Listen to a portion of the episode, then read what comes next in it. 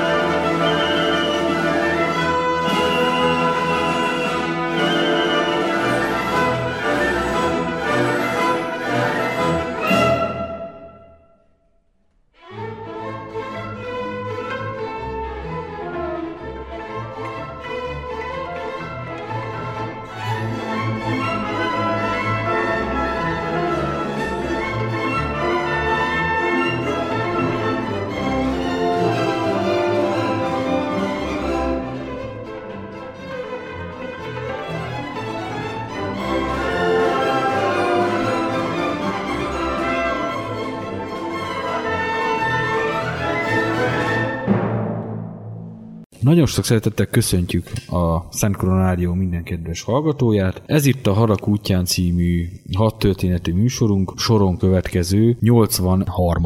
adása. Folytatjuk előző héten megkezdett és igen aktuális beszélgetésünket Babusz Zoltán hadtörténésszel, a magyar királyi második hadsereg Doni szerepével, illetve a Doni katasztrófával, annak 70. évfordulója alkalmából. Tisztelettel köszöntöm a kedves rádióhallgatókat. Jó emlékszem, most hagytuk abba, hogy a vasúti kiszállítást, ugye a központi szállítás vezetőség bonyolította le, hatalmas szervező munkátra volt szükség, és egy igen nagy vasúti kerülvel kerültek ki a magyar alakulatok. Milyen állomásokon a, keresztül? Hát felvidék magyarata területein keresztül, úgymond Szlovákián át, a lengyel főkormányzóság területén, a balti államokon keresztül, akkor, Kursk térségébe kerültek Akkor mondjuk ki. Vác felé indultak a vonatok, és Pozsonynál... És Galánta térségében Igen. lépik át az akkori szlovák határt, határt Katowice, Kielce érintésével kerülnek ki a Baltikum térségébe, és úgy jutnak el Kursk kirakodóállomás környékére, és onnan, amíg a Dont elérték, az kb. 1000 kilométeres gyalogmenetet jelentett. Pluszban. Pluszban, igen, úgyhogy harcolva kellett megtenni. Azért tettek meg ekkor a kerülőt, mert ugye ekkor már 1942. június 28-án a kék hadművelet megindul, ugye, mely a Stalingrad és a kaukázusi kőolajmezők birtokba vételét kellett, hogy Elérje. E, vagy eredményként ezt meghozza. Ezért a főszállítási vonalak le voltak terhelve, és így kerülőutakon kerültek ki a magyar alakulatok a hadműveleti területre.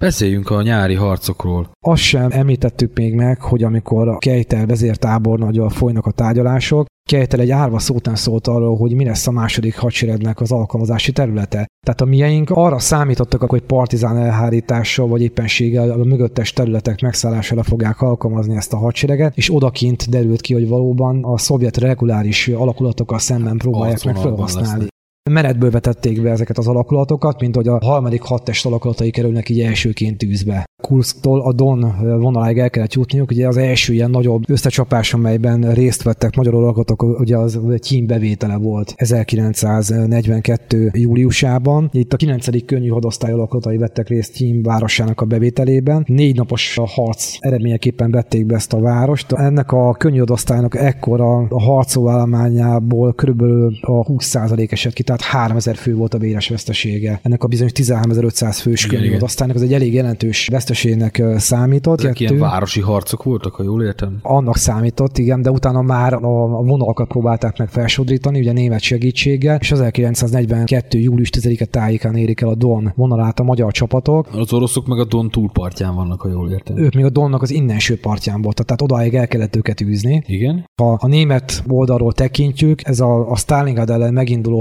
hadműveleteknek a bal szárnyát jelentette. Igen. Mi a bal szárnyon voltunk, azonban a hadműveletek egyre inkább délre tolódnak át, ugye egyre több német csapatot vonnak el a magyar második hadsereg arcvonaláról, egyre több magyar alakulat kerül a ebbe a német alakulatoknak a helyére, és így van az, hogy 1942. augusztus 25-ére már teljes mértékben Volonyestől délre magyar csapatok tartják a Don vonalát, tehát itt, itt látnak el folyamvédelmet. Milyen hosszú ez az arcvonal? Hát az 1942. szeptemberi állapotokat tekintve, hogy 210 km volt ennek az arcvonalnak a hosszúsága.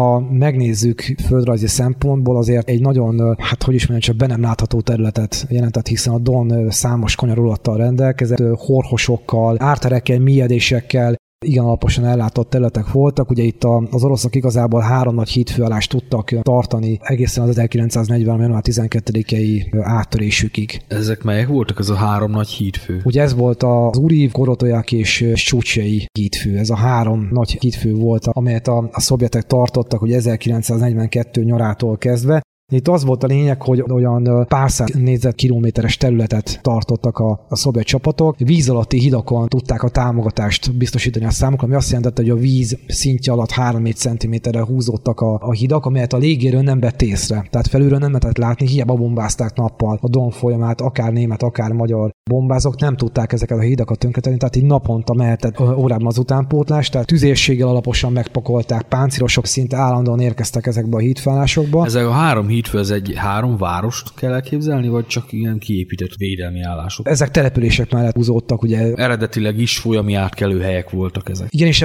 itt direkt hagytak hátra a szovjet utóvéd alakulatokat, hogy ezáltal nehezítsék meg a dommenti folyamvédelemnek a kiépítését, illetve ezek később ellentámadás bázisául szolgálhattak. Igen, tehát kiinduló pontot kellett, hogy képezzenek. Gondolom ezeket a hídfőket meg is próbálták felszámolni. Ezen három hídfő közül sikerült valamelyiket felszámolni? Vagy mindegyik megmaradt egészen a hadműveletek végéig? Igazság szerint csak a korotójaki hídfőt tudták bevenni a, a mieink. Minimális német támogatással próbáltuk meg ezeket a, a hídfő állásokat felszámolni. Ugye ezeket a hitfőcsatákat úgy kell elképzelni, hogy itt az első tábori páncélos hadosztály alakulatait tudták bevetni, mint mozgó tartalékot. Ennek utána a többi magyar hadtest az már elfoglalta a Védelmi állásait. védőállásait, és nem tudtak megfelelő súlyt képezni. Támadó Támadás erőt. szempontjából, Igen. tehát azt jelentette, hogy összevonták a tartalékokat, az oroszok már tudták, hogy hol fognak támadni milyeink, Mert ott fel tudtak hídfő, igen. készülni a védelemre, ami azt jelentette, hogy, hogy igen nagy veszteségekkel kellett számolni. Több hídfőcsata is volt ebben az időszakban, azért például a kokáért ugye Uriv Stolozsevoje térségében 1942. július 18-án, augusztus 10-én, illetve szeptember 9 és 16-a között voltak hídfőharcok,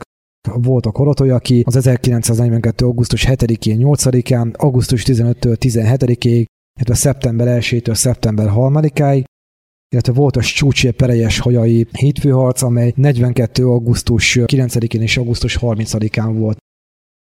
1942. szeptember 16-áig közel 30 ezer fő volt a második hadseregnek a véres vesztesége, 1010 Halott, sebesült és eltűnt, eltűnt hadifogó. hadifogságba jutott emberre kell gondolnunk. Tehát 1000 tiszt és 29 ezer legénységállományú katona esett ki a harcoló feleknek a sorából. Az első tábori páncélos hadasztály páncélos állományának közel az 50%-át veszítette el ezekben a harcokban, ami bizonyítja, milyen súlyos harcok folytak ebben a térségben.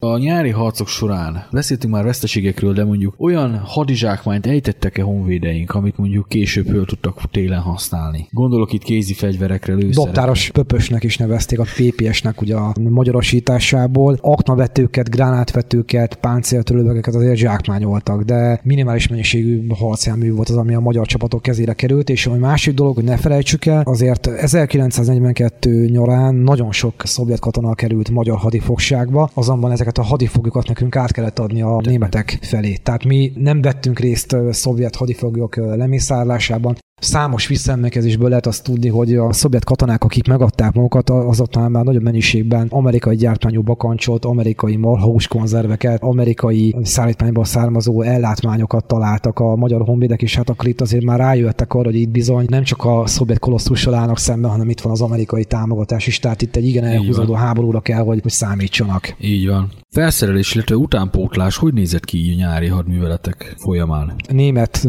támogatást kapott a, a magyar második hadsereg, ugye az anyaországi fegyverzeti támogatás az minimális volt, illetve ugye amikor 1942. szeptember 16-ától beáll az úgynevezett hadműveleti szünet, tehát amikor leállítják már a hídfő, Elleni akciók. a hídfők elleni akciókat, és megkezdődik az állások téliesítése, a hadsereg berendezkedése téli védelemre, ekkor leállítják az anyaországi utánpótlásokat, mivel már arra utaltunk az előző adásban, Ugye félő volt az, hogy a románok megtámadnak bennünket ugye Így az van. erdélyi határszakaszon, és ezért a magyar kormányzat és a magyar honvéd vezérkar úgy döntött, hogy innentől kezdve egy darab lőszert, egy darab fegyvert nem szállítunk ki, kell az itthoni hadseregnek. Jáni Gusztáv vezérezredes, illetve a második hadsereg takarékoskodjon azzal, amiük van. Tehát Akkor nem is voltak téli időszak, meg nem volt a slámperiód sem még. még nem, ugye 1942 Lehetett volna mondjuk feltöltést eszközölni. személyi feltöltés történt, meg közel 35 ezer, 40 ezer fő érkezett ki Körülbelül annyi, 1942 Véres veszteség Igen, igen, a 42 vége felé, akiket a úgynevezett átképző táborokban próbáltak meg fölkészíteni a szovjet harcmodornak a kivédésére, illetve próbáltak őket akklimatizálni az ottani viszonyokhoz.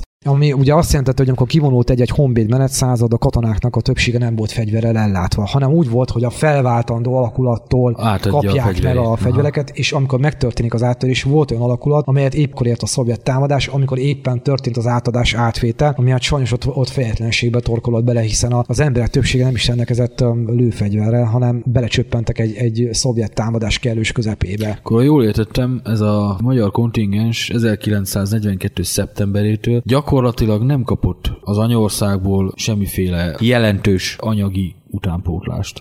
Úgy kell elképzelnünk, hogy amikor jöttek haza a szabadságos időszakban katonák, például konkrétan az EG 14-es honvéd gyalogezrednél is lehet azt nagyon jól tudni, hogy az élelmesebb tisztek, például a géppuskás századparancsnokok megbízták a hazatérő katonákat, hogy téli kenőanyagot hozzanak a, a géppuskákhoz, a nehéz fegyverekhez, mert a magyar kenőanyag az nyári volt, ami azt jelenti, hogy mínusz 10 Celsius fokig védte meg a fegyvereket, utána befagytak. Értem. Tehát így otthonról kellett valahogy ezeket pótolni, a német ellátmány pedig ilyen szempontból minimális volt, hiszen inkább a, a saját csapatoknak a, az ellátásra törekedtek sem, mint a magyar Lényegében csak azok tudtak valamilyen ellátmányt vinni ki, akik eltávra jöttek haza. Az élelmesebbek így próbáltak valamilyen úton, módon utánpótást kijutatni. És a másik kardinális kérdés, hogy a katonáknak az ellátása. Tehát amire te is nagyon jól utaltál, hogy a, a magyar parasztember az egy nagyon szívós és igénytelen fajta volt, most ezt nem negatív Hát ez a szó értelemben pozitív mondom. értelemben. Pozitív értelemben, aki azért ugye 11-2 éves korától kezdve télen-nyáron kint volt a mezőn, a földet művelt, tehát van, hozzászokott így a szélsőséges időjáráshoz, illetve a nagy mennyiségű étel elfogyasztásához, hiszen kellett a kalória a munkához. Így van, így van. Odakint ez egyébként viszont- ki van, ez egyébként ki van mutatva, hogy mondjuk egy egész napos menetelésnek mennyi kalória igénye van, és ezt meg kell lenni a katonának, mert ha harckészségét fönn akarja tartani.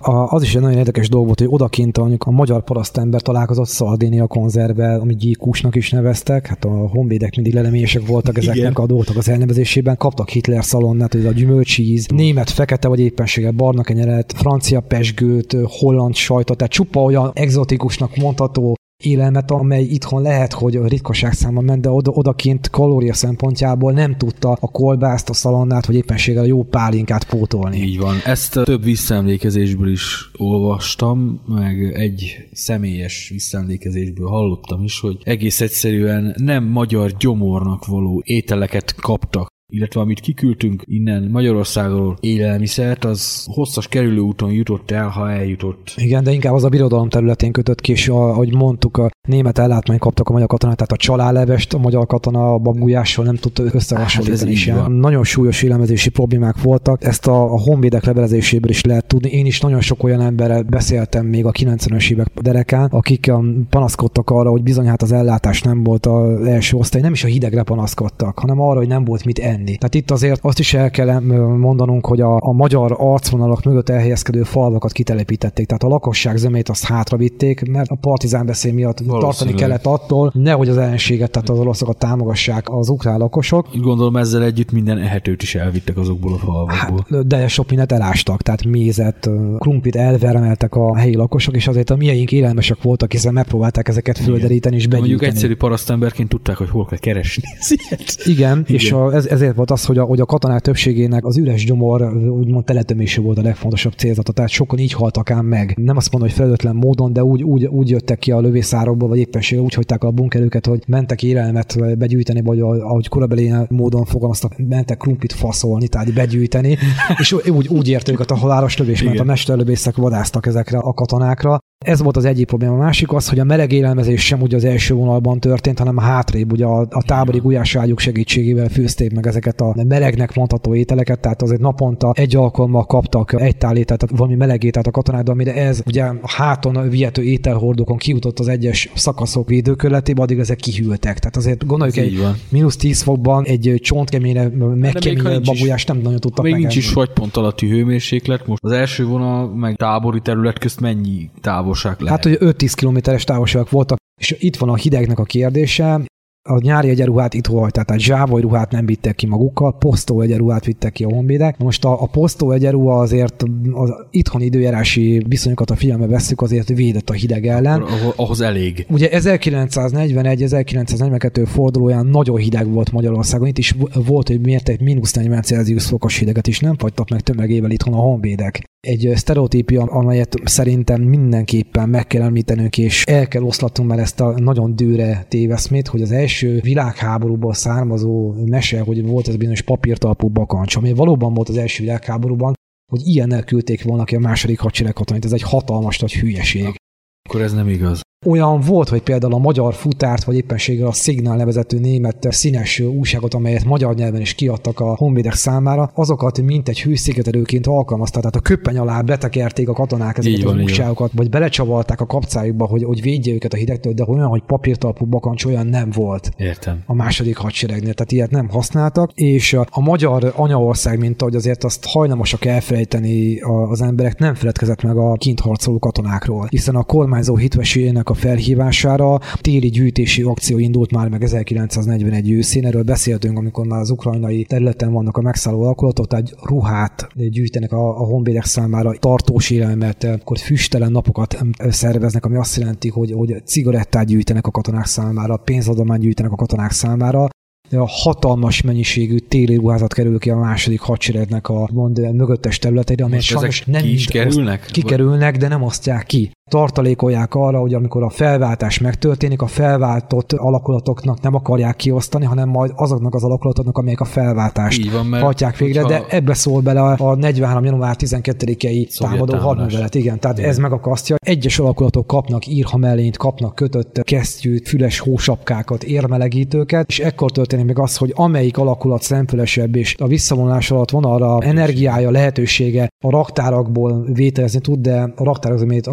gyújtják föl, hogy nehogy az oroszok kezére kerüljön. A lovakról már több helyen is szó esett egyrészt gépjárműből elég kevés állt rendelkezésre. Igen. Főleg olyan, amely mondjuk lánctalpas volt és alkalmasabb volt vontatóként, vagy egyszerű szállítójárműként az ellátási feladatokhoz. A lovakat mikor vonták ki az első, illetve másodvonalból? Tehát amikor szeptember 16-án leállítják a további hídfőtámadásokat, utána, amikor megkezdődik a téli állások képítése, akkor kerülnek hátra a lovak, tehát ezekből bizonyos lóteleltető állomásokba. Azok a lovak, amelyek ott maradnak az első vonalban, azok már 1940.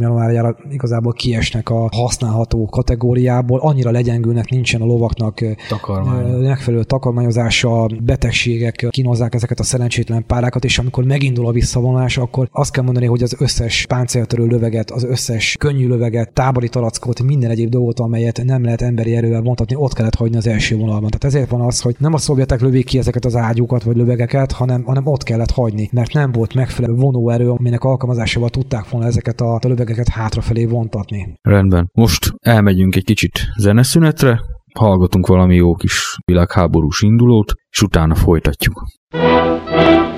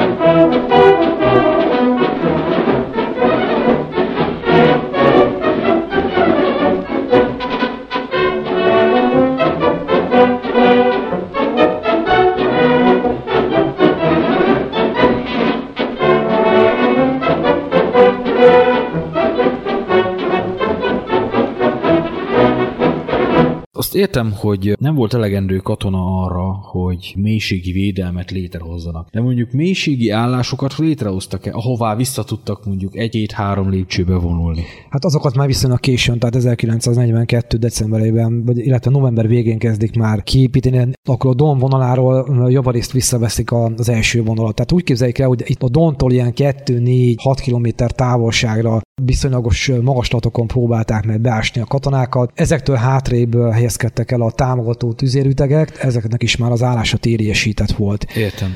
Itt, amikor megkezdődik a téri állásodok a képítése, arra sajnos nem gondoltak, nem is gondoltak, hiszen nem kaptak erre vonatkozó utasítást, hogy a településeket, tehát a mögöttes településeket körvédelemre alkalmassá tegyék, számolván egy esetleges visszavonulással, ez föl sem merült ekkor.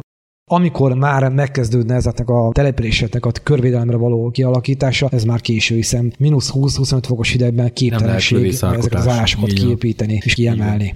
Ha jól tudom, a körvédelem kérdése, ha máshol nem is, de azt hiszem a Ilovszokjai repülőtéren kiépítésre került. Szóval Zetén Csukás Kálmán, aki a repülőtér parancsnoka volt, megcsinálta ezt a körvédelmet. Igaz, hogy ő is már csak a decemberi hónapokban fogott ehhez hozzá. Hát persze volt itt is, meg már 42. decemberében hozzáfognak a lehetősége teljes mérvű kihasználásához, huszár alakulatok, illetve lovas alakulatok voltak ezen a frontszakaszon így védelmi szerepkörben. 1942 nyarán a csatában azért még lóháton alkalmazták őket, inkább a mögöttes területek, mint partizán vadász alakulatok kerültek bevetésre, és utána már, amikor a lovaikat elvették tőlük, tehát itt a huszárok már nem lóháton kerültek alkalmazásra, akkor már gyalogságként, tehát gyorsan mozgó gyalogságként funkcionáltak próbálnak tartalékot képezni abból a minimális tartalékból, ami, ami rendelkezésére áll a második hadseregnek, hiszen az első tábori páncélos hadosztály az hátrébb van, és ugye a Kramer hadtest alárendeltségébe kerül, tehát elveszik a második hadseregtől az egyetlen egy tartalékát. Ezért az történik, hogy az ilyen hadosztály, vagy éppenséggel hadtest közvetlen huszárszázadokat, kerékpáros alakulatokat, amelyek ló nélkül maradnak, a kerékpárosok nem tudnak kerékpározni a derékigérő hóban, ezekből úgynevezett villámtartalékokat képeznek, megtanítják őket síelni, tehát finn síkiképzők érkeznek a második hadseregnek a, a mögöttes területeire, hogy ők képezzék ki téli hadviselésre, illetve a síelésre ezeket a villám vagy gyors tartalékokat. Téli papola ruhákat is adnak ezeknek a katonáknak, tehát hogy bírják a, a hideget, őket ellátták viszonylagosan nagyobb mennyiségű sorozatlövő fegyverekkel, Ugye arról nem beszéltünk, de azért kaptak géppisztolyokat is a, a magyar katonák, általában a szakaszparancsnokok kaptak, tehát századonként pár darab géppisztolya volt Ez a milyen géppisztoly? magyar gyorságnak. Hát Schmeisser géppisztolyt kaptak. A, és a német géppisztolyt. Tehát német, akkor még ugye király géppisztolyt csak minimális mennyiségben osztottak ki az alakulatoknak. Beszélhetnénk magáról a Stalingrádi hadműveletről, amely itt most itt vita van arról, hogy mikor kezdődött pontosan is. Hát november 19-én zárul be a gyűrű Stalingrád következő vonatok kezdve indul meg a német hatodik hadseregnek a kálváriája, ugye amikor megtiltják nekik a kitörést, légi úton próbálják meg az utánpótás biztosítani. Így van, így van. Ugye jól tudom, hogy napi 500 tonna Ellátmány. ellátmányra lett volna szüksége a, a német hatodik hadseregnek ahhoz, hogy meg tudjon egyáltalán felelni a feladatának. Azonban a legjobb esetben napi 100 tonna volt az, amit legjobb esetben esetben, amíg az utolsó repülőteret a reptér még el nem foglalták. Így van, de maga a Stalingradi hadművelet már egy nyáron elkezdődött, augusztusban, amikor az első bombák ráhullottak lényegében. És a város elfoglalása jutott el olyan szintre, hogy gyakorlatilag novemberben már a Volgától pár száz méterre volt. Lényegében kiszorultak volna az oroszok teljesen a nyugati partról. Tehát akkor úgymond az önkéntesek megérkeznek a Volgának a túlsó partjára, hogy kívülről rájuk lakatolják a vagonok ajtaját, hogy Igen majd pedig utána minden ötödik ember kap egy Mosin Nagant puskát, a többi pedig csak lőszert, hogyha kilövik, a, akinek a puska Igen, van, majd, ő át, majd a Igen. többi átveszi. A vörös hadsereg hős katonái az NKVD támogatásával indítják meg a rohamukat. Minden roham előtt azért igen jelentős mennyiségű, hát körülbelül olyan egy-másfél deci vodkát azért így gyomorra elpusztítottak a, Igen. a hős vörös hadsereg katonái. Gyakorlatilag alkohol mámorban küzdötték végig a második világháborút, hiszen ezt a, az embertelen húsdarálást, ezt máshogy nem is lehetett elviselni. elviselni, és amikor olyan területek érnek, amelyek már nem a Szovjetunióhoz tartoznak, lásd Magyarország, vagy később ugye Kelet-Poroszország, majd a harmadik birodalomnak a területei, akkor bizony a posztogatásnak, mint vallásnak kezdenek el hódani, azon kívül a nők tízezreit erőszakolják meg, Így és irgalmatlan mennyiségű alkoholt fogyasztanak el ezek a katonák. Igen. Csak hát jött ez a bekerítő hadművelet. A szovjetek nagyon bölcserőlátás, hogy nem a német alakulatoknak próbálták meg ugye átörni a német csapatoknak az állásait, hanem a románoknál, illetve az olaszoknál történtek meg ezek a, az áttörési kísérletek. Nagyon jól tudták azt, hogy ezek gyengében vannak fölfegyverezve, mint a, a Wehrmacht alakulatot. Én is ezt tartom az igazi nagy fordulópontnak. A Stalingrádot, illetve a Stalingrád bekerítésére irányuló szovjet műveleteket, szóval amikor nyilvánvalóvá vált, hogy Moszkva felé nem lesz támadás, akkor Stalin is úgy csoportosította az erőit, hogy a kaukázusi térségben gyülekeztette őket. És volt az bizonyos egy lépés sem hátrálunk, tehát itt Pontosan. Már, már élt az a parancs, ami már hogy 1941 nyarától is létezett, egy tapotat sem lehet hátravonulni. A nagy mennyiségű nyugati támogatás és az újjáéledő szovjet ipar is éreztette hatását. Például a Stalingrad ostromakor a Stalingrádi traktorgyár. Szóval a Vörös Október nevet A Krasznyi Oktabira. Ez mennek a harcok, ott gyártják a Ahogy kijött a futószalagról a harckocsi, beleült a munkás, és ő ment vele harcolni két utcával arrébb. Stalingrádról egyébként egy különadást akarok majd készíteni, mert én szerintem megéri Most, hogyha egy kis az időt. párhuzamot vonhatunk, azért aki a téma iránt érdeklődik, az úgy nagyjából sejteti, hogyha megnézi ezt a német filmet a Stalingrádi csatáról, valamilyen szinten hasonló volt a budapesti ostrom is 1944 Illetve valamennyi nagyvárosnak az ostroma, gondolok itt például Harkovra, például Harkov négyszer vagy ötször cserélt gazdát. De ott is nagyon súlyos harcok És voltak. az ottani városi harcok súlyossága tényleg csak a Stalingrádival, illetve a Berlinivel, a Varsóival és a Budapestivel érnek föl. Mert azért ebbe a sorba ezt a néhány város szerintem itt föl lehet sorolni. Igen, és hát olyan Stalingrad az igazság szerint egy ilyen presztis kérdésével, mint Hitler, Sokkal mint többet, sokkal Stalin fontosabb lett, mint amennyit valójában ért meg. Igen, mert hogy már igazság szerint ott állnak a németek a kaukázusi kőolajmezőknél, Bakunál ott vannak. Sőt, ugye az Elbruxra ki is tűzik a holokeresztes zászlót, ami egy nagyon szép sportteljesítménynek tekintető. De, De- más eredménye nagyon De nem más volt. eredménye nincsen, és innen vonnak el erőket ahhoz, hogy egyáltalán Stalingradnál valamilyen sikereket tudjanak elérni a német hatodik hadseregnek az alakulatai, tehát inkább tényleg egy két ember versengésévé fajul le az egész 1942-es nyári hadjárat, és hát aztán ennek esik áldozatul aztán a magyar második hadsereg is. Így Először egy nagy katlanban vannak a németek, utána két kisebb katlanra osztják ezt az oroszok, és 1940. február másodikán történik meg az, hogy a Paulus a Lényegében. német hatodik hadseregparancsnoka nem fűbelüli magát, hanem megadja magát Töviskorával együtt, és akkor még egy pár napig ott van kisebb ellenállás, de utána kb. 94 ezer német katona esett hadifogságba, és hát azért kb. 5000 voltak 1955-ben, tehát 12 Hogy akkor évvel Stalingrad után Adenauer kancellár közbejárására, tehát az NSK akkori kancellárjának közbejárására került haza Stalingrád védői közül. Paulus együtt, ha jól emlékszem, 24 tábornak esett még hadifogságba, és több mint 2510. Ez egy hatalmas presztízs győzelem volt az oroszoknak, illetve hát a vörös hadseregnek, a német szövetségesek közül az olaszok is, és a románok is nagyon nagy veszteségeket voltak kénytelenek elkönyvelni ebben a hadműveleti periódusban, és irgalmatlan mennyiségű haditechnika volt, ami mind a két oldalról oda veszett, hogyha egy kicsit lehet dobálózni számokkal, egy-két dolgot így, egy kicsit. a német hatodik hadsereg megadta magát, akkor gyakorlatilag 14 gyaloghadosztálya, három páncélos hadosztálya, három gépkocsizó hadosztálya, és jó pár önálló alakulata morzsolódott föl. A románok egy lovas és egy gyalogos hadosztályt veszítettek. 296 ezer főt kerítettek be a, a szovjetek, és ezek közül 94 ezer esett hadifogságba. Tegyük azt hozzá, ezt a második hadseregnél akartam elmondani, de az oroszok nem voltak fölkészülve ilyen nagy tömegű hadifogóinak az egészségügyi és egyáltalán élelmezési ellátására. Ugye 1942-43 fordulója nagyon hideg volt, tehát mínusz 40-46 Celsius fokos hidegek voltak. Az oroszok a saját embereiket sem tudták megfelelőképpen élelmezni, ruházni, és ellátásra felkészülve. Ezért volt az, hogy különféle járványok, tífusz, Hát, vérhas, ami ilyenkor a legyengült szervezetet meg tudja támadni. igen, azon katonák közül, akik a magyar második hadsereg kötelékéből estek hadifogságba, azok közül is körülbelül a 10% aki hazatért 1945 után. Ugye Stalingrad eredményezte azt, hogy Goebbels, ugye a propagandaminiszter meghirdette a totális háborút, ugye 1943. február Valahogy- 18-án. Valahogy így, hogy És mi- mindenkiként kiáltott fel, hogy igen, akarjuk a totális Van, és az első, háborút. az első sorban Stalingrádi sebesültek ültek, akik ki tudtak jönni a katlanból, még repülővel. Igen, és akkor egy pár dolog azért még a szovjetek, és azért tudjuk, hogy ők hányan, vagy, vagy mivel vettek egyáltalán részt ebben a küzdelemben. Ugye ebben a 76 napos Stalingrádi hadműveletben 15 harckocsi, illetve gépesített hadteste volt a szovjeteknek, 97 gyalog és egyéb más jellegű hadosztálya volt még a vörös hadseregnek, és négy szovjet front vagy hadseregcsoport, ugye a mi terminológiánkkal élve vett részt ebben a harcban, ami azt jelentette, hogy 485 ezer fő vesztesége volt a, a vörös hadseregnek, ezek közül kb. 154 ezer fő volt az elesetteknek a, És a száma, és a elesetteknek és halottaknak a száma. Itt technikai veszteséget tekintve 2915 páncélos, 3591 aknavető és tüzérségi löveg, valamint 706 repülőgép volt a szovjeteknek a vesztesége.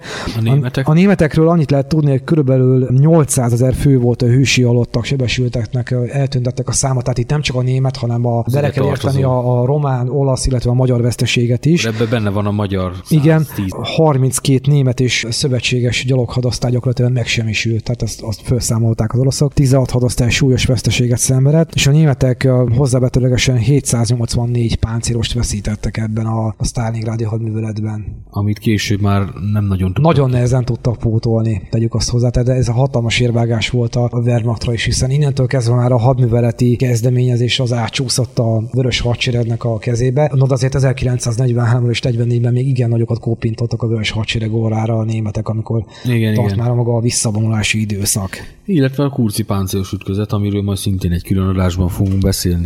No, most erre a Stalingradi kitérő után beszéljünk a 1943. januári szovjet áttörésről. Voltak -e ennek előjelei? Mennyire volt tisztában a támadás veszélyével a magyar vezérkar? Mennyire voltak információik a csapat összevonásokról? Esetleg németek tájékoztatták-e őket ilyesmiről? Készültek-e nagyobb áttörésre? Nagyon jól tudjuk, hogy a Lajtos Árpád vezérkari századosnak van egy kiváló visszaemlékezése ebből az időszakból, tehát ő írta le azt, hogy több alkalommal átrepültek a Don fölött felderítő repülőgépek segítségével is észlelték a szovjet csapaterősítéseket, csapatmozgásokat. A magyar vezérkarnak vannak erről Információ. információi. El kell mondanunk, hogy 1942 őszén ugye itt jár a Honvéd vezérkarnak a főnöke, Vitéz Szombathelyi Ferenc vezérezredes, illetve a magyar honvédelmi miniszter Nagybacai Nagybénós vezérezredes, akik a második hadsereg arcvonal szakaszát meglátogatják, tapasztalatokat gyűjtenek, Jáni Gusztáv vezérezredessel, a hadsereg parancsnokkal tárgyalnak, latolgatják az esélyeket, és itt Jáni bizony előadja a hiányosságokat. Ebben az időszakban nyugalomban a, a magyar arcvonal szakaszon. szakaszon vállalkozások történnek mindkét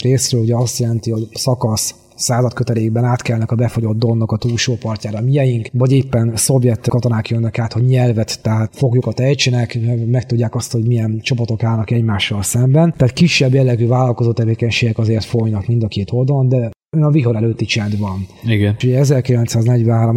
januárjának első napjában viszonylagos olvadás indul be, fagypont körüli, körüli. körüli a, a, hőmérséklet, félő az, hogy a, ott beáznak a téli búvójek, tehát a, a téli bunkerek, a lövészárkot, mert elkezd olvadni a hó. Azonban, amikor megindul az ától, és akkor már lecsökken a hőmérséklet, mínusz 20, aztán 30-40-46 Celsius fokos hidegek pár nap leforgás alatt, hogy kezdődött a nagy szovjet támadás? Mekkora erőről vagy lehet beszélni ekkor? A szovjetek részéről a Voronyezsi frontnak a 40. hadserege vett részt ebben a felderítő, illetve később támadó hadműveletben, emellett a harmadik harckocsi hadsereg, a 7. önálló lovas hadtest és a 16. önálló lövész hadtest, amely ezen hadműveletekben volt részes. A szovjetek nem áttörésre készültek. Nagyobb mérvű felderítő Igen. vállalkozás? Január 12-én ugye reggel 3 órás tüzérség előkészítés követően Uriv Storozsavia térségében megindul a szovjet támadás. Ez az az Uriv, amit nem sikerült háromszori neki futásra Igen. sem felszámolni. Uriv Storozsavia térségében a hetedik könnyű hadosztály az, amely szovjet páncélos támadást kell, hogy elszenvedjen illetve két gyaloghadosztály támadja meg a 7. könnyű hadosztálynak az állásait. Itt heves harcok zajlanak, tartják az állásaikat. Január 13-án ellentámadási kísérletre kerül sor. A Kramer hadtest egyes részeit itt vetik be de a hideg időjárás és a szovjet erőátcsoportosítások miatt már itt nem lehet úgymond arcvonal kiegyenlítést végrehajtani a német és a magyar csapatok részéről. A németek sem akarják azt, hogy a, a magyar második hadsereg kiürítse az állásait. Tehát itt tartani kell az állásokat minden áron. A, a szovjetek itt felderítenek. Hogy kipuhatolják. Kipuhatolják, hogy milyen, milyen erők vannak. állnak velük szemben. Január 14-én Stucsinál szintén megindul egy tüzérségi előkészítéssel bevezetett szovjet felderítő támadás, ahol ebből a hídfőből kiindulva 100 szovjet harckocsi kezdi meg a támadást négy magyar zászló ellenében, tehát az egy elég nagy volt itt a szovjet páncélos túlerő. Páncélelhárítás már a korábbi említett szinten volt. Egy előbb volt a nullával, itt a tizedik könnyű hadosztálynak a csapatai voltak védelmi állásban. Itt a könnyű hadosztálynak az alakulatai 10 óra leforgás alatt a harcolvállalmánynak a 70%-át veszítették el, és a tüzérségüknek a 100%-át. Gyakorlatilag nem maradt semmi belőlük. Így van, napok leforgás alatt több mint ö, 150-200 szovjet páncélos partot vált a Donnál. Gyorsan mozgó szovjet alakulatok követik ezeket a Lovas szovjet páncélosokat. alakulatok. Inkább sítalpakkal felszerelt, géppisztolyokkal ellátott ö, szibériai vagy szibériákokra kell gondolnunk, hogy így nevezték őket, őket a magyar honvédek, akik jól bírják a valóban ö, távol-keleti hideget. Itt nagyon durva jelenetekre kerül sor, hiszen itt számos visszaemlékezésből lehet tudni, hogy milyen harcok történtek. Például a Storozsavolynál volt állásban a Losomoci 23. gyalogezred, amely ugye január 12-ig jegyezte föl, hogy azon a napon 11 szovjet tömegtámadást vertek vissza, és a dél... gyalogsági támadás? gyalogsági és páncélos tömegtámadást vertek vissza, bűzlöttek az alkoholtól a lelőtt szovjet katonák, és a délutáni órákban már a mieink állásai előtt tornyosultak az orosz hullehegyek. Hatalmas kaszálást rendeztek a mieink is, tehát itt nem arról volt szó, hogy egy pánik hangulat lett és volna, szaladtak nyugatnak. és megszaladtak volna mieink, egyáltalán nem. Megpróbálták föltartóztatni az oroszokat, de embertele hideg volt. Tehát Storozsavér térségéből például ugye ki kellett törni a 14. honvéd gyalogezred katonáinak, ugye ők gyűrűbe kerültek. Ott voltak a 35. honvéd gyalogezred katonái, akik Vécsei Béla ezredes vezetésével föltűzték a szulont, és úgy törtek ki Gyevicáról, hogy egyáltalán vissza tudjanak vonulni. Ekkor megszűnik az egységes vezetés. Most elmegyünk egy kis zeneszünetre, és nem sokára folytatjuk.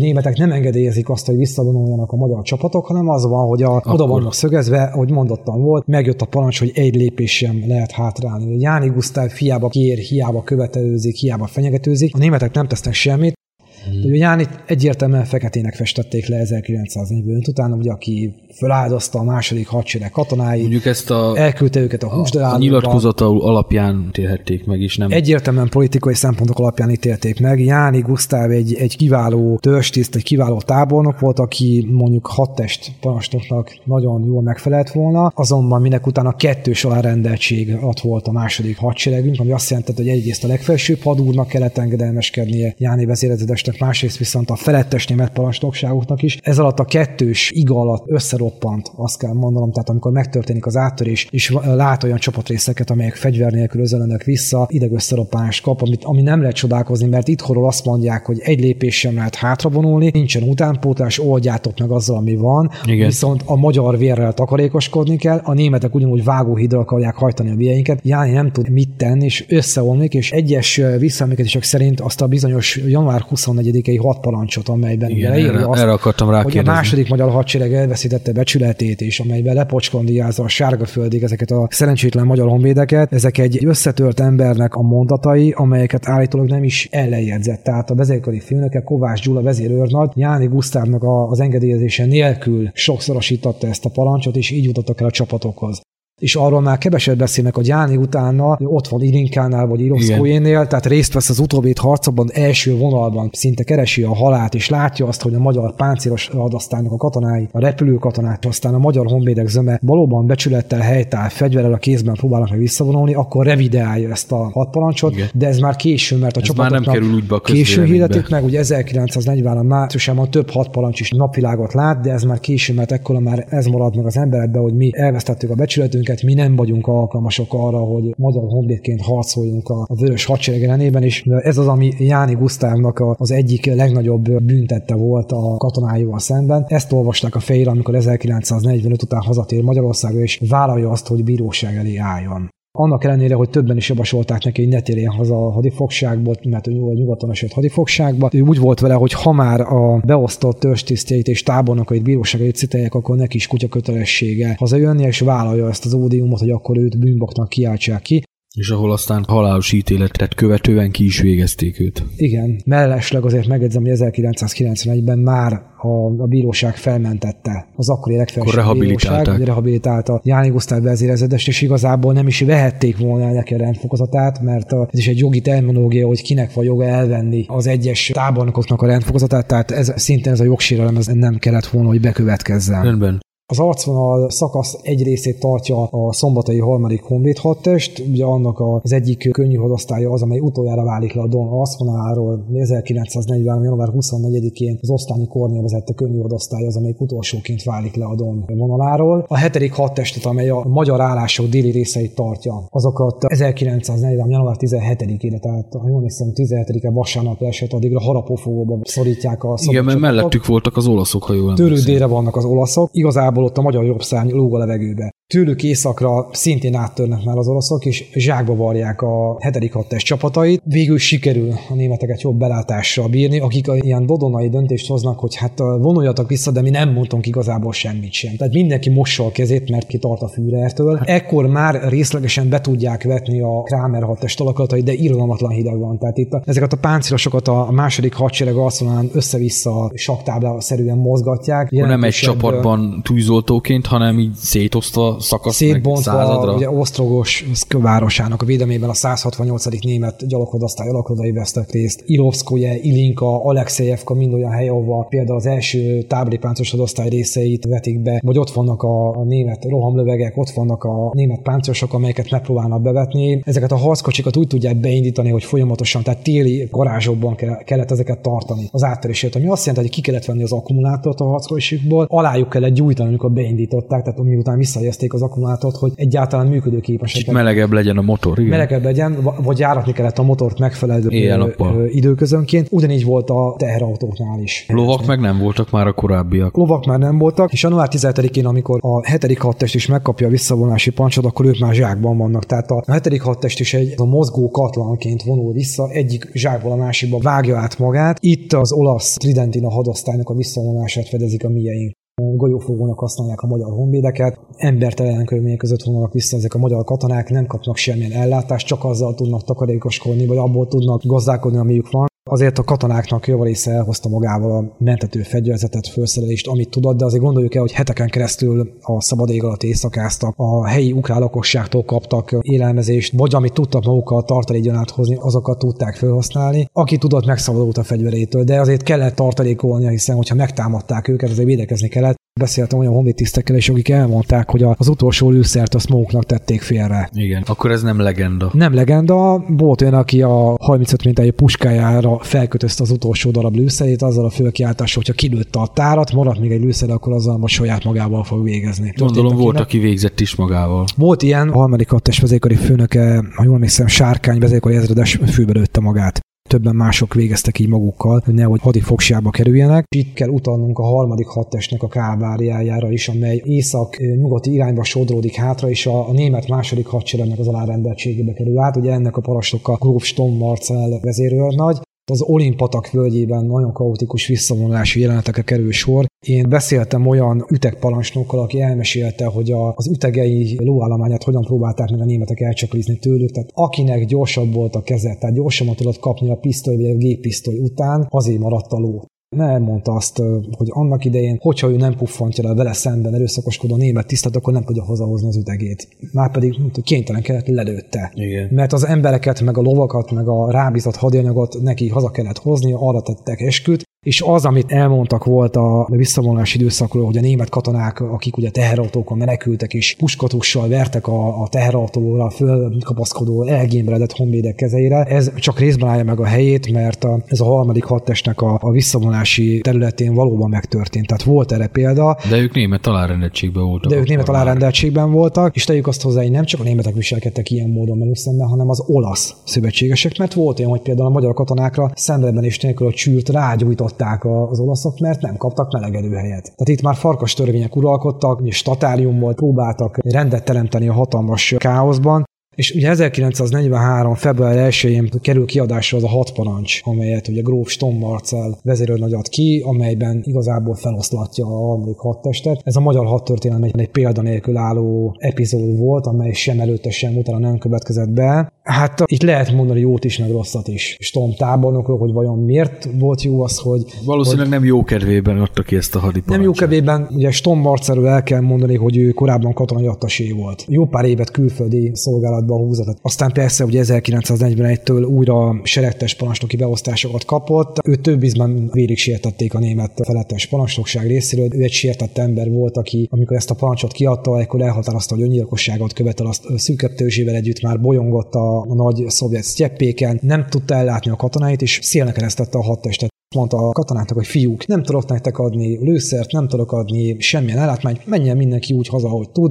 Ilyet az én olvasatomban egy felelős parancsnok, akinek a kezébe emberek tízezereinek az életét helyezi, nem teheti meg, akármennyire megsérti. Neki Igen. az lett volna feladat, hogy hazahozza ezeket az embereket. Ugye amikor Stom Marcel hadifogságba esett, ő főbe akarta magát lőni, de nem sikerült, mert a, a törzs karának egyik tisztje kicsovalta a kezéből a lőfegyvert. Azonban voltak olyan beosztott parancsnokai, gondoljon ki Tavasi Lajos Csendőr ezredesre, vagy Marcsa Sándor ezredesre, akik a felosztatás követően harccsoportokat hoznak létre. Tehát olyan katonákból, akik nem hajlandók eldobálni a fegyvert, és haza akarnak jönni, ezekből kisebb csoportokat képeznek, és ezek a katonák kivágják magukat a szovjet bekerítésbe. És ennek köszönhető az, hogy nem morzsolják fel teljesen a magyar harmadik hadtestnek az alakulatait. Értem. Akkor most beszélhetnénk arról, hogy mikor sikerült ennek az egész magyar alakulatnak rendeznie a sorait. Hol tudtak gyülekezni? Meddig kellett visszavonuljanak, amíg újra szövetséges arcvonalat találtak? Magának a hadseregnek a káváriája az egészen 1943. februárjának első napjaig tartott,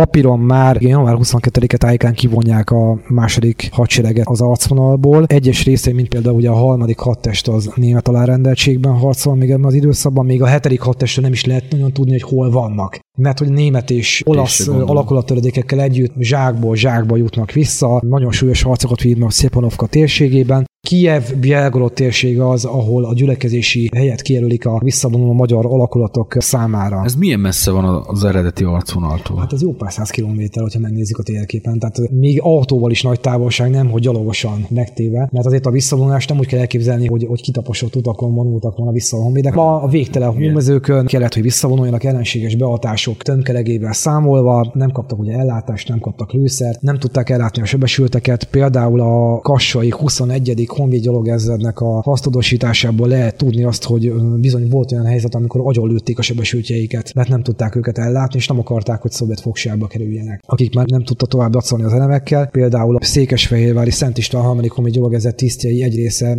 úgy esett el, hogy megadták magukat, és a szovjetek lelőtték a fogságba került tiszteket. Kivették a tiszteket a hadifoglyok tömkelegéből, és a, legénység szemelátára agyonlőtték őket. Mondva, hogy nem ejtenek tiszteket hadifogjul. Nagyon nagy veszteségek érték a visszavonuló visszavonuló honvédeket. Ugye erről a mai napig folyik a vita, hogy mennyi a második hadseregnek a, a vesztesége. Próbáljuk meg megközelíteni. Magának a visszavonulás időszaknak ugye a vesztesége, a hősi alattakat tekintve körülbelül ez egy három hetes időszakot elgondolom, tehát január 12-től február első napjaig bezárólag körülbelül 50 ezer fő volt az, aki bizonyította a hősi halált halt. Tehát aki fegyver a kezében esett el. Körülbelül 50 ezer fő volt a, a sebesültek és az eltűnteknek a száma, és 26 ezer fő volt azoknak a száma, akik hadifogságba estek.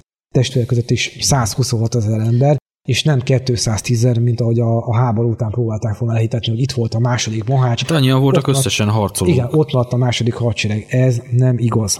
Ugye a hadseregnek több mint az 50%-a valóban ott maradt. De nem tömegével adták meg magukat, mint hogy a számok is bizonyítják, hanem, hanem fegyveres harcokban estek el Így ezek van. a katonák. Nagyon fontos persze az emberi veszteség, hiszen minden magyar család érintett volt ebben a Doni tragédiában, azonban nagyon súlyos volt az anyagi veszteség is. A magyar tüzérség, páncélos anyag, sorozatlövő fegyvereknek közel a 100%-a ott maradt. Repülőgépeknek is. Így van, a személyi felszerelésnek közel a 70%-a. Nem volt világos, hogy mi lesz a, ezzel a hadsereggel. Ugye itt a, megtörténnek a fegyelmező gyakorlatok, számba veszik a veszteségeket, megindul a hasztudósításoknak az elkészítése, kitüntetési fölteresztések, ami ilyenkor Szokás, szokásos. igen. Próbálják ugye megvilágítani, hogy mi vezetett ahhoz, hogy a, ez a hadsereg ekkora mérő veszteségeket szenvedett. A németek megszálló alakulatként akarják a továbbiakban a második hadsereg roncsait használni, aztán végül sikerül egy olyan megállapodást tető alá hozni, nem kis mértékben köszönhetően Lajtos Árpádnak és tisztásainak elég nagy mennyiségű élelmiszer és alkohol neműnek volt köszönhető, hogy a német megfelelő vezérkari közegek ehhez hozzájáruljanak, hogy a leharcolt magyar alakulatrészek visszakerüljenek Magyarország területére, és ezért cserében magyar megszálló hadosztályok kerüljenek ki. Így 1943 áprilisának végén indulnak haza ezek a szállítmányok. Ugyanilyen kerülő úton, ahogy érkeztek? Kisebb, de kerülő utakon kerülnek haza, a békehelyőrségekbe kerülnek, hanem úgynevezett karanténállomásokba, ami azt jelenti, hogy három hetes egészségügyi karantén alá vették ezeket a katonákat, nehogy fertőző betegséget húzzanak be. Itt már nem virágesülvel fogadták ezeket az embereket. Bizony nagyon alapos fejmosásban volt részük, nem csak a legénységnek, hanem a tiszteknek is. Bizony a nemzetvédelmi tisztek elmondták a katonáknak, hogy akinek a szája eljár arról, hogy mi történt odakint. Igen. Miket tapasztaltunk, az könnyen a hadbíróság előtt találja magát, vagy pedig mehet vissza a frontra, bármelyik más újabb honvéd alakulattal együtt. Tehát ezért volt az, hogy egyrészt a Jáni féle hadseregparancs, másrészt pedig az itthoni fogadtatás volt az, amely egy életre szóló sebet jelentett a dont megjárt magyar katonák számára. Értem. Nem szabad arról sem megfeledkeznünk, hogy ha a magyar katonai helytállást vizsgáljuk, hogy a tisztikar egy sajnos nagyon csúnyán levizsgázott. Azért gondolni az idősebb törstisztekre, akik inkább autóbusszal menekültek hátra, sorsukra hagyták a katonáikat, azonban a fiatalabb századparancsnokok, tehát a ludovikás tisztekre gondolok, vagy a tartalékos tisztekre, a szakaszparancsnokokra, meg azokra az emberekre, akik közelebb álltak a- egyszerű honvéd katonákhoz, azok bizony néha jobban megállták a helyüket, mint a, különféle iskolákat végzett hivatásos tisztek a tisztek többsége valóban megpróbált a legmessze menőbben gondoskodni a rábízott alárendelteknek a, a, a sorsáról, meg egyáltalán ügyelni arra, hogy minél több embert tudjanak kimenekíteni ebből a bizonyos harapófogóból. Értem. Veszteségekről akkor ennyit. Következmények és a Doni katasztrófa emlékezete. Még erről ejtsünk egy pár szót. Erre már a, tettünk említést az, a múltkori adásban, én csak nagyon röviden szeretnék arra utalni, hogy ugye 1981-82-ig, amíg ugye Sára Sándor nem forgatja ezt a Pergőtűz című dokumentumfilm sorozatát, addig nem is lehetett beszélni erről a tragédiáról. Először 1958-ban egy Horváth Miklós nevezetű irattáros honvédtisztnek a sajtó rendezésében jelent meg egy ilyen forrásközleményszerűség a második magyar hadseregnek a tevékenységről, amely inkább ugye, hogy is mondjam, csak a bolsevik álláspontot képviselte, tehát Igen. az akkori rendszer szája íze szerint tálalta a dolgot, hogyan küldték el elpusztulni a hős magyar munkásparaszt katonákat, és milyen gazak voltak a ludovikás tisztek. Jobbára csak parasztokat, meg munkások itthon maradtak. Így van, papírtalpú bakancs, mitosza, ezek mind akkor terjedtek el a köztudatban. Utána a 60-as évek végén, 70-es évek elején Nemeskölti Istvánnak a Requiem egy hadseregét című könyve volt az, amely megjelent, és először siratta el nyíltan a második hadsereg katonáit, azonban ez is sajnos az akkori rendszer szájaíze szerint került megírásra, amely mind a mai napig a közkézen forog. Tehát az emberek többsége, hogyha a Doni tragédiáról van szó, akkor egyből Nemeskölti tanár úr könyvét emlegeti, amely már azóta egy kisé meghaladott jellegű munkának számít. Az újabb írások közül mondjuk Szabó Péter hadtörténész kollégámnak a Donkanyar című alap, alapvető opuszát emelném ki, amely, ha jól emlékszem, először 1994-95 tájéken jelent meg az Ényi kiadó gondozásában. Majd pedig 2001-ben a Corvin adta ki második bővített, javított kiadásban ezt a könyvet, amely már valóban tényszerűen tudósít a második hadsereg 1942-es, 43-as harctéri tevékenységéről, megpróbálván belehelyezni abba a történelmi millióbe, abba a történelmi korszakba, amely akkor volt jellemző nem csak a hadi eseményekre, hanem a magyar anyaországra. Másik az, amit ki tudok emelni a mi részünkről, ezeknek a bizonyos alakulat történeti munkáknak a megjelentetése, például az EGRI 14-es honvédgyalog ezzel története, amely egy úttörő vállalkozás volt ebben a tekintetben. Ugye két kiadást is megért, és valóban a, a háború alulnézetből kategóriát próbálta meg a tisztelt olvasó közönség elé hozni. Tehát ezek azok a könyvek, amelyek méltóképpen használhatóak, Azonban nekem nagyon a szívfájdalmam az, ha jó sejtem nem csak az enyém, hanem, hanem minden, minden jobb érzésű magyar Szent Kolon rádió hallgatóit, hogy egy tisztességes filmet nem láttunk még erről az időszakról. De nem csak a Doni a második hadseregbeli harcokról, Budapest ostromáról, a magyarországi hadszintéről, egyáltalán magyar témakörben, hogyha a tizedes meg a többiek című 60-as években készült alapvető történelmi filmjátékot tekintjük, nem készült ilyen jellegű munka. Mai napig is a történész kollégák támadják a második hadseregnek a tevékenységét, egyáltalán Magyarország szerepét a második világháborúban, de azt, hogy most a magyar katona mit csinált odakint, vagy egyáltalán a magyar ember mit érzett ebben az időszakban, ezzel nagyon nem foglalkoznak, illetve az olyan fajta embereket, mint amilyen én vagyok, azokat hajlamosak a szélső jobbnak a kategóriájába sorolni. Igen, mert, mi, mert mi nem a vörös hadseregnek a dicsőségét próbáljuk meg előrevetíteni, hanem mi a magyar katona helytállását próbáljuk meg újra Igen. visszahozni a köztudatba. Egy jó hírt azért tudok mondani. Készül egy magyarok által jegyzett játékfilm a második magyar magyar hadsereg korszakából, ez pedig a Drága Elza, amely történeti tekintve nem az a klasszikus szájbarágós történelmi háborús film, uh-huh. mint amit akár az oroszoktól, akár az amerikaiaktól megszokhattunk, hanem egy klasszikus játékfilm, egy egyszerű embernek az életén, a szemüvegén keresztül. Én ajánlom neked, hogy hallgass meg készítőkkel felvett adást, mert nagyon tanulságos, és ő nem kíván politikailag állást foglalni, de az például gyönyörűen meg van mutatva a filmben, hogy a hősiesség az hősiesség hősiesség, akárki is követi el a hősiességet, és az álnokság ugyanúgy álnokság, akárki követi el az álnokságot. Ez teljes mértékben így van. Beszéltünk arról, hogy miért is került ki a Magyar Király második komit hadsereg a Dónhoz. Beszéltünk az előzményekről, ugye Trianonról, arról, hogy hogyan kaptuk vissza ezeket a területeket 38 és 41 között. Még egy dologról nem beszéltünk, arról, hogy 1919-ben volt itt egy úgymond dicsőséges 133 nap, Amit amikor igen, utal neveztek el annak, amikor a magyarság kapott egy kis ízelítő segített abból, hogy milyen a, ez a bizonyos bolseviki típusú társadalmi berendezkedés, igen, mit akarnak tenni velünk szemben, mit akarnak a nyakunkra ültetni. Ami azt jelentette, hogy 1942-ben a magyar katonák tudatát egyrészt a revizionizmus gondolata hatotta át, másrészt pedig az antibolsevizmus. Tehát úgy voltak vele, hogy a vörös rémet jobb lesz a saját házatájékán megsemmisíteni, mint hogy beengedjük őket a határainkra. És csak azért mondom, mert több helyütt fölmerült az, hogy megkérdezték az egykori észtvevőket, hogy mit kerestünk mi ott olvastam jó pár olyan tábori lapot, amit a honvédek küldtek haza az első vonalból, sőt olvastam cenzúrázatlan leveleket is, ahol leírták azt, hogy milyen a szovjet paradicsom, milyen állati körülmények között élnek az ott lévő ukrán parasztemberek, mennyire primitív körülmények között művelik a földet, egyáltalán, hogy milyen maga a szovjet paradicsom, mint olyan, és az egyszerű magyar négy elemit végzett parasztember írta le a maga ákon-bákon betűivel, hogy inkább itt végezzünk az ellenségeim, mint hogy beengedjük őket a saját hazánk területére, mert az Isten mentse meg bennünket attól, hogy megtapasztaljuk, hogy milyen az igazi bolsevik uralom. Hát ez nem sikerült Így a Donnál. Van. Egészen idáig eljöttek az oroszok, és aztán meg is tapasztaltuk 45 éven keresztül, hogy milyen az új típusú társadalmi berendezkedés. Így van, és a következményeit valószínűleg a mai napig is nyögjük még. És ennek. fogjuk még nagyon sokáig nyögni. Igen. Nagyon szépen köszönöm a műsorba való részvételt. Én is köszönöm. Szerintem egy hiánypótló adást készítettünk. A műsor letölthető a letöltések rovatban, ugyanitt meg is hallgatható, illetve a műsorúságban írottak szerint szintén meghallgatható a jövő heti és a legközelebbi viszonthallásra. Hol van a sok virág, mely nyílt hegyvölgy réten át, hol van az a sok virág, elhervadt régen, hol vannak a férfiak, kiket háborúba hurcoltak, Mondjátok, miért van így, mondjátok, miért van így. Hol vannak a katonák, kik harcoltak sok éven át? Hol vannak a katonák, elhultak régen. Hol vannak a katonák? Sírjuk felett száz virág, mondjátok, miért van így? Mondjátok, miért van így? Hol van a sok sírkereszt? Az őszi szél is sírni kezd. Hol van a sok sírkereszt? Elkorhat régen. Hol van a sok sírkereszt? Ember meg nem érti ezt.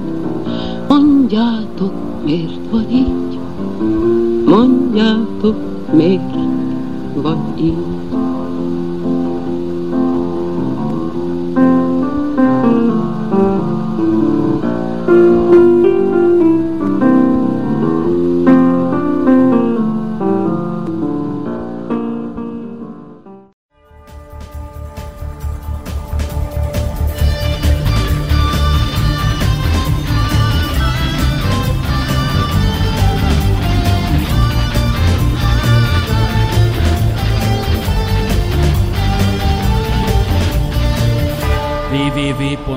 www.szentkoronarádió.com A tiszta magyar hang.